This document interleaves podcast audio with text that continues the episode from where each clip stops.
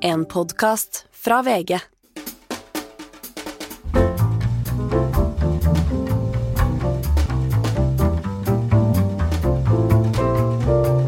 Hei! Her får du en smakebit av helgens Skartveit. I dag har jeg besøk av Kari Due Andresen, tidligere sjeføkonom i Handelsbanken. Nå eh, jobber hun i Akershus Eiendom. Hun har også jobbet i Norges Bank. Hun kan mye om inflasjon, penger, valutakurser. Alt det som er mye nærmere hverdagen enn det vi ofte tenker på, også selve økonomifaget. Vi snakker om inflasjon før og nå. Eh, hvordan man kan bekjempe det, hva det betyr for oss, hva det betyr for verden, for verdensfreden, rett og slett. Vi veit jo alle hvordan det var hyperinflasjon i Tyskland på 1930-tallet. Det gikk veldig gærent. Eh, Vi er nok ikke der nå, men det er klart det er inflasjon og rente og disse tekniske begrepene betyr mye for hvordan verden utvikler seg. Du kan høre på eh, hele på VG+, eller på Podmy. Og så vil jeg bare si god helg til alle sammen. Tilbake til eh, inflasjonen. altså Kina de laget jo veldig mange av de billige varene som vi importerte gjennom mange mange år. Og, og vi fikk alle sammen billigere varer, mens regningen for den billige importen var jo de få som mista jobben fordi at eh, arbeidsplassen deres, industri og produksjon ble outsourca til f.eks. Kina.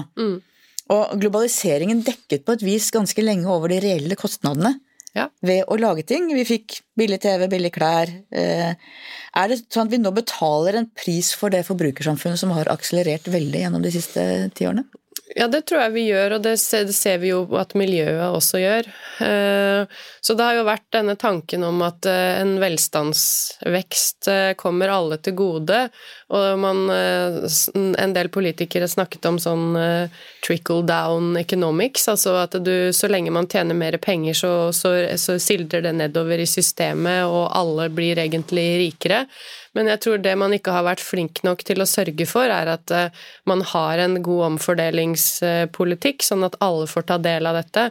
Og det var jo sånn som du var inne på, altså middelklassen i USA har jo hatt en eh, altså justert for prisstigning, omtrent ikke en, en oppgang i sin inntekt på veldig mange år. Foreldre har ikke råd til å sende barna sine på college på samme måte som før, Nei, så den amerikanske drømmen blir på en måte knust. Man ser ikke at man har den, den reisen i eh, en økonomisk forbedring gjennom livet som man kanskje um, har eh, drømt om, da. Og da er det mange som blir eh, forbanna og eh, stemmer på en eh, kontroversiell politiker. Man kan jo på en måte forstå det. Jeg reiste mye i USA både i valgkampen 2016 og 2020 Ja. og snakker med folk som er, det er smarte, fornuftige folk, men de er bare rasende. Ja. Ja, de er lei av establishment, eller det etablerte, etablerte systemet som ikke har hjulpet dem på noe vis på ganske lenge.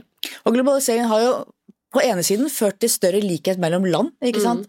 Mm. Kina og India og en del land, særlig i Asia, som har fått løfta store deler av sin befolkning, samtidig som det har ført til økt ulikhet internt i land. Ja, og det er jo nettopp problemet, tenker jeg. Altså Sånn sett så er jo det at man kan kjøpe billigere varer fra et annet land, det er jo i hvert fall sånn i økonomisk eh, teori en veldig god ting, men det blir ikke nødvendigvis en god ting i praksis hvis man ikke klarer å fordele den inntekten ut. Og det ser man jo på en del eh, fremvoksende økonomier i Afrika f.eks., som har en god inntektskilde i eh, olje.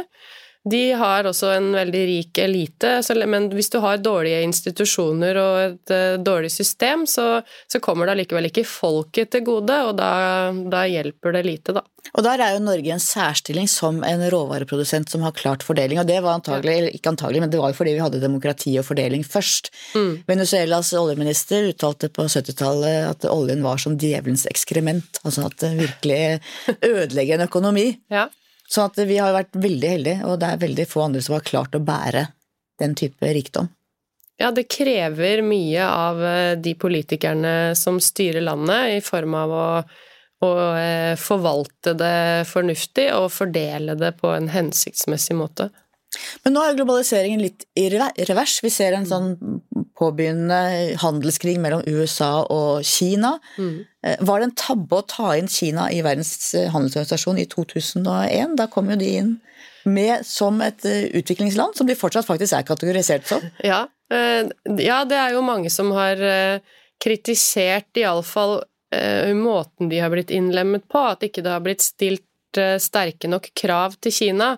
Men jeg tror tanken var at eh, bare få dem inn, så litt sånn som vi snakket om i Russland også, at så, så, blir dette sikkert en, et mer demokratisk land etter hvert, fordi de får være med i verdenshandelen og, og derfor løfter flere ut av fattigdom, som, som, hvor, de, hvor dette regimet går i mer demokratisk og vestlig retning. Men så har jo ikke det skjedd, og da, da tar man opp disse spørsmålene på nytt. Men den eh, altså for, forringelsen, holdt jeg på å si, av verdenshandelen, eller sånn globaliseringen i revers, tror jeg også Den startet ikke nå med pandemi, den, den startet i alle fall med, med Donald Trump, eh, hvis ikke før. Eh, og da så vi jo, altså når han startet sin kampanje mot Kina, så, så flata verdenshandelen ut og begynte etter hvert å gå litt ned. Og det er jo på en måte en slags nesten naturlov òg, for idet en supermakt eller stormakt stiger opp og ja. truer den som har verdenshegemoni, mm. så vil det være veldig sjelden det ikke blir krig, f.eks.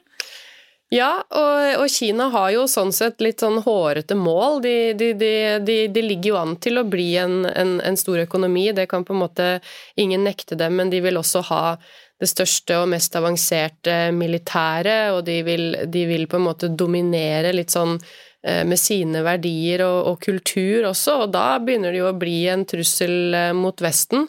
Eh, og så skal de ta tilbake Taiwan, og det er jo også noe man ikke nødvendigvis kan, kan sitte og se på. Så det er en del mål på den kinesiske agendaen som er på direkte konflikt med amerikanske verdier. Og våre eh, verdier. Og våre verdier. Så, eh, og det, da, da blir det trøbbel. Og tror du at eh, Europa og Norge på et tidspunkt blir nødt til å velge side? Jeg tror vi allerede står i den skvisen. Og det ser vi i Norge som et lite land. Vi ønsker jo å ha en god handelsavtale med Kina.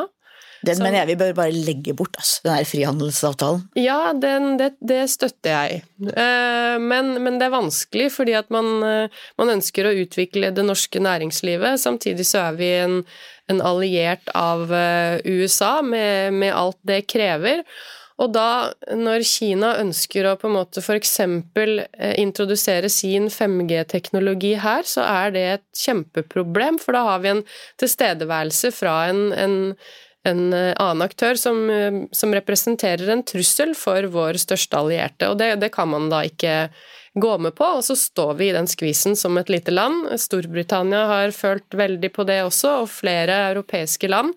Kina har jo denne eh, sil nye Silkeveien, eh, Belt and Road Initiative, er det vel det heter, hvor land på en måte skriver under på og omfavner deres verdisett mot at Kina eh, investerer penger i landet.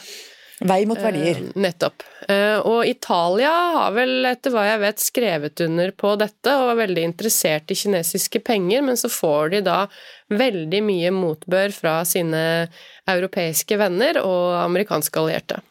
Og det fortjener de. Ja.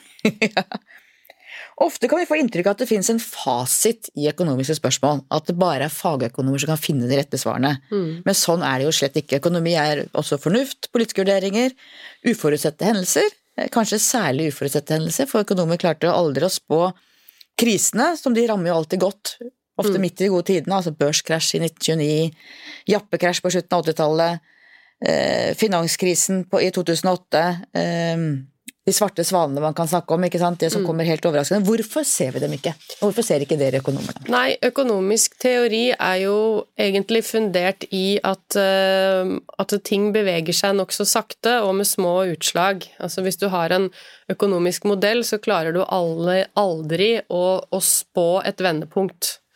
Eh, jeg jobbet f.eks. I, i Norges Bank, i sentralbanken i 2007, da finanskrisa kom. Oi. Og da hadde vi en sånn fin økonomisk modell som spår hva som skjer hvis det kommer en liten forstyrrelse til økonomien. Ja, da skal konsumet reagere sånn, og investeringer sånn, og så blir renta sånn.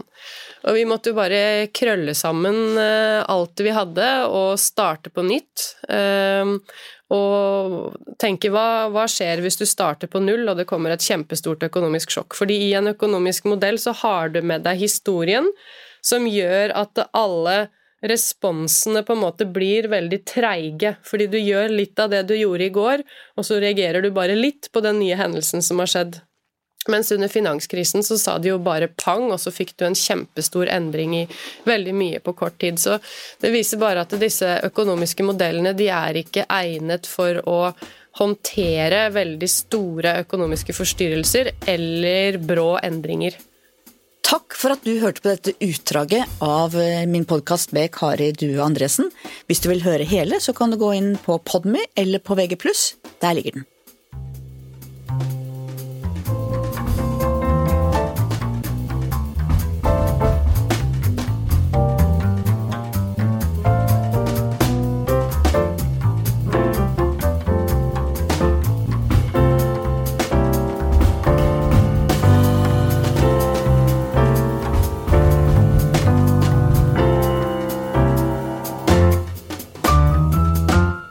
Har hørt en podkast fra VG.